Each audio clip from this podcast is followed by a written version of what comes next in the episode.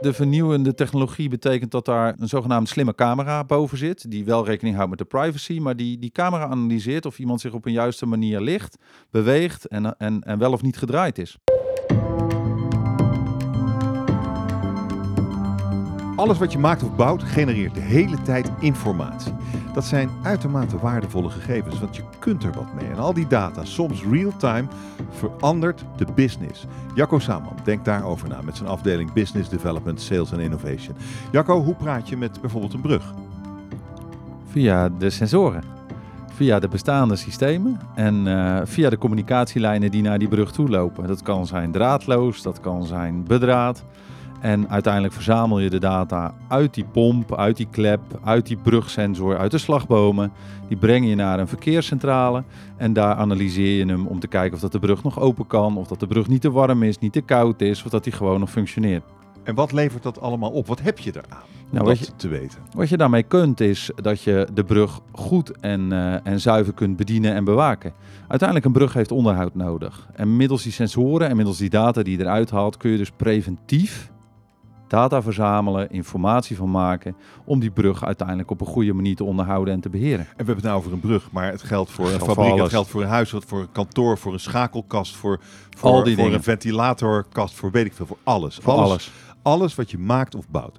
Um, dat heeft allemaal effecten op hoe je uh, verduurzaming kunt doen, hoe je energie kunt besparen, hoe je onderhoud kunt doen, voorspellend onderhoud kunt, hoe je je schoonmaak moet regelen, hoe comfortabel een pand is voor de bewoners, voor de gebruikers, uh, circulariteit en misschien nog wel veel meer mogelijkheden. zeker nog veel meer. Wat kun je allemaal met die data beïnvloeden? Wij zijn een service provider die betrokken is met uh, medewerkers die in het veld hun werkzaamheden moeten uitvoeren.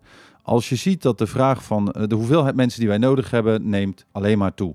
we hebben in de, in de maatschappij staan steeds oudere installatiedelen, die worden her en der wel vervangen. Maar dat betekent dat er een groei moet komen van het aantal monteurs en servicemensen. Als je op een goede manier de, de data verwerkt door een goede manier van preventief onderhoud te kunnen doen, kun je ze gericht inzetten. En dus niet correctief, maar preventief.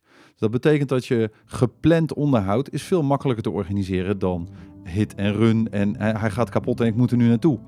Nou, dat, dat zorgt er dus voor dat wij in capaciteit minder mensen nodig hebben. Hoeveel minder, denk je? Nou, ik, ik schat in dat dat zeker met 25, 30 procent uh, gereduceerd is. Dat, is. dat is meer dan het aantal vacatures dat nu open staat?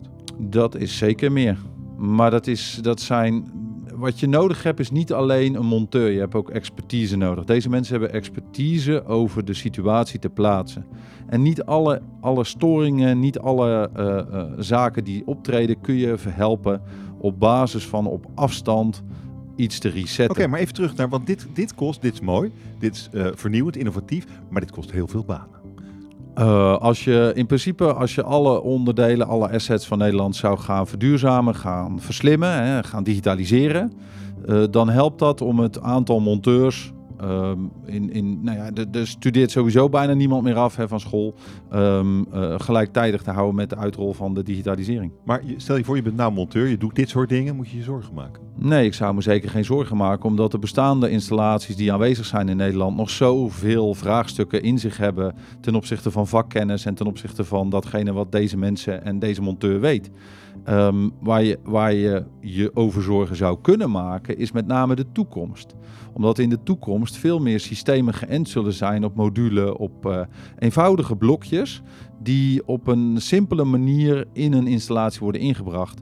Denk aan uh, waar vroeger een automonteur nodig was om een hele auto uit te kleden en te maken en te onderhouden. Is dat tegenwoordig de computer zelf geeft aan welk onderdeel kapot is. Die printplaat wordt vervangen en er wordt een nieuwe printplaat ingedouwd. Daar heb je niet echt uh, toegevoegde waarde in, in expertise meer voor nodig.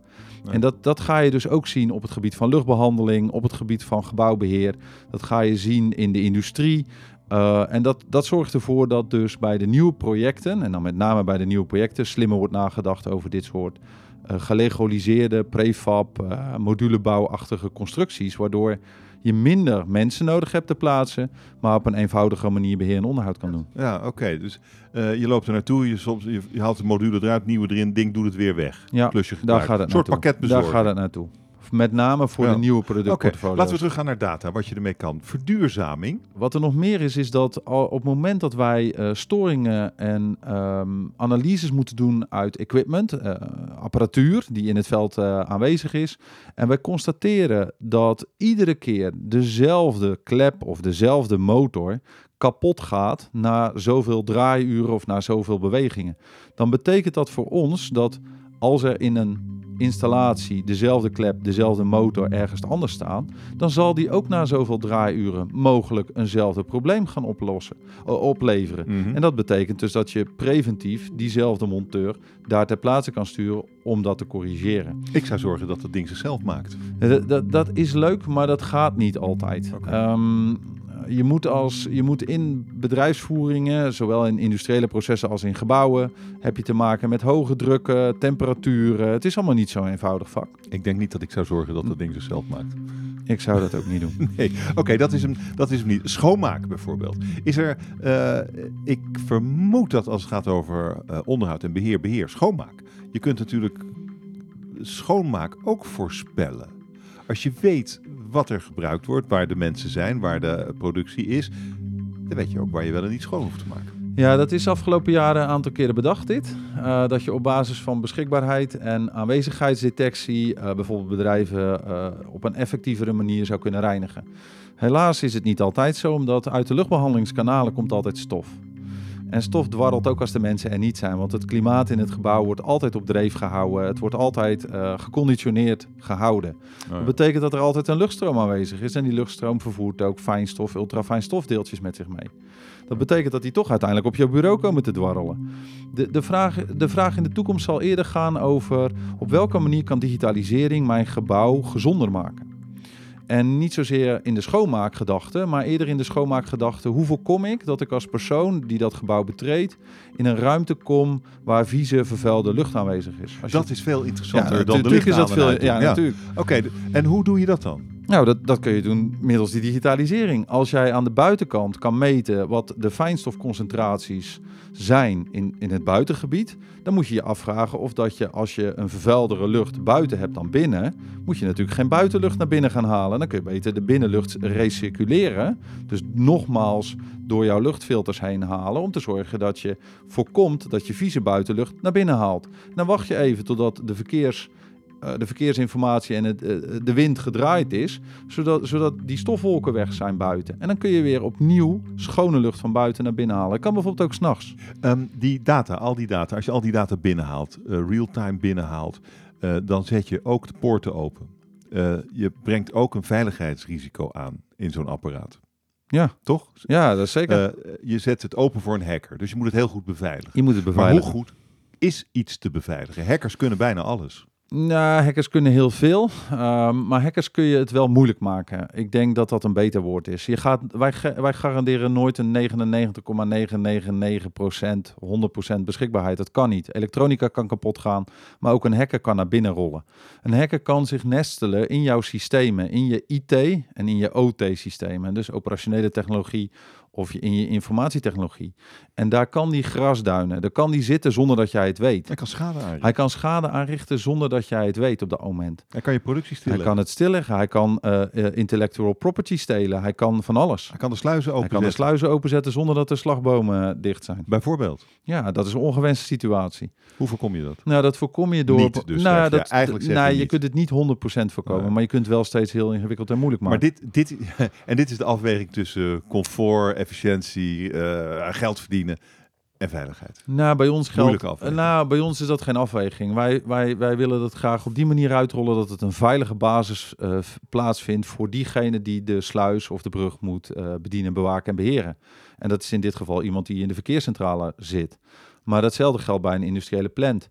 Ehm, als, je, als je met onze expertise de klant kan adviseren om die inbreken buiten te houden, dan, dan betekent dat voor ons nieuwe omzet en nieuwe winst. Ehm, toekomst. Ik vond, toekomst vond ik al jouw voorbeeld van eh vieze lucht buiten houden op het moment dat die er is. Eh, wat zie je nog meer ontstaan? Wat ik nog meer zie ontstaan is dat we ehm, ehm, op dit moment rij- rijden we heel veel e- elektrisch. Hè? We gaan steeds meer elektrisch rijden. We zullen ook waterstof gaan rijden. Ik denk dat het verstandig is om op basis van de digitalisering ook op een goede manier na te gaan waar die laadpleinen, waar die laadstations eh, eh, komen. Zodat de impact op het grid, hè, op de netbeheerders, veel efficiënter en veel beter is. Dat betekent niet dat je ze eh, overal weg moet halen. Nee, maar denk goed en denk logisch na over datgene wat je gaat installeren en onderhouden en beheren daar. En m- misschien als je er een paar hebt, kan je de ene aanzetten als het kan en de andere uit als het moet. Ja, klopt. Dat soort dingen. Daar, Mm. daar, daar gaat het over. Ja, daar gaat het over. Maar de Balancering, maar de, alles. ja, maar dat balanceren, er komt nog iets aan. Hè? De elektrische auto van vandaag de dag, die onttrekt 90%, 95% nog energie van het net.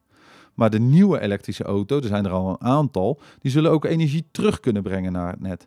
En dat betekent dus dat je energie kan verplaatsen op plekken waar je de energie nodig zou hebben. Dus je, je kunt dus balanceren in het net, daar waar je het nodig hebt.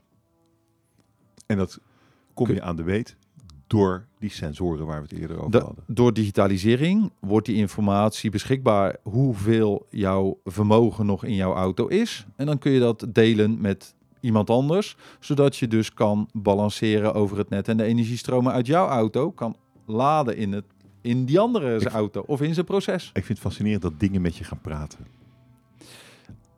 Ik, nou ja, kijk, we hebben, we hebben het gehad over eh, de mogelijkheden van digitalisering in de zorg. Eh, op het moment dat je daarnaar kijkt, eh, dan, dan zul je zien dat er behoefte is aan veel meer robotisering. Er zijn Hmm. heel veel eh, mensen die eh, een bepaalde zorgrobot nodig hebben. Iemand die opgetild wordt in bed, een kwartslag gedraaid wordt, iemand die gerold wordt. Dat zijn allemaal digitaliseringsprocessen. En dat betekent dat je heel nauwkeurig iemand moet oppakken, iemand moet verplaatsen. Als je dat nu door een, door een verpleegkundige moet laten doen, die doet dat een aantal jaren, maar daarna krijgt ze pijn in de rug. Of hij of zij krijgen pijn in de rug en dan zul je dat weer op moeten lossen. Da- dat wil je voorkomen. Nou, dat kan middels digitalisering. Want dan, eh, dan oké, dan, maar dat is interessant, want dan heb je eigenlijk eh, sensors nodig eh, op patiënt, misschien wel in het bed. Dat je weet, die patiënt ligt al een tijdje op de linkerzij, moet nu naar de rechterzij. Correct?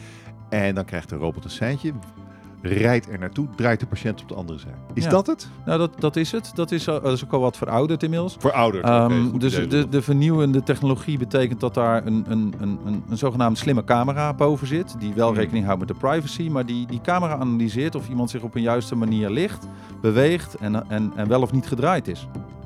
En dat, dan hoef je namelijk geen sensoren in het bed aan te brengen. En dat scheelt weer heel veel werk. En we hebben al te weinig monteurs. Waardoor dat we eigenlijk met slimmere toepassingen en slimmere producten moeten gaan werken. Jacco, dankjewel. Vond je dit interessant? Dat is fijn, want we hebben nog meer korte podcasts over digitalisering om je kennis te verdiepen.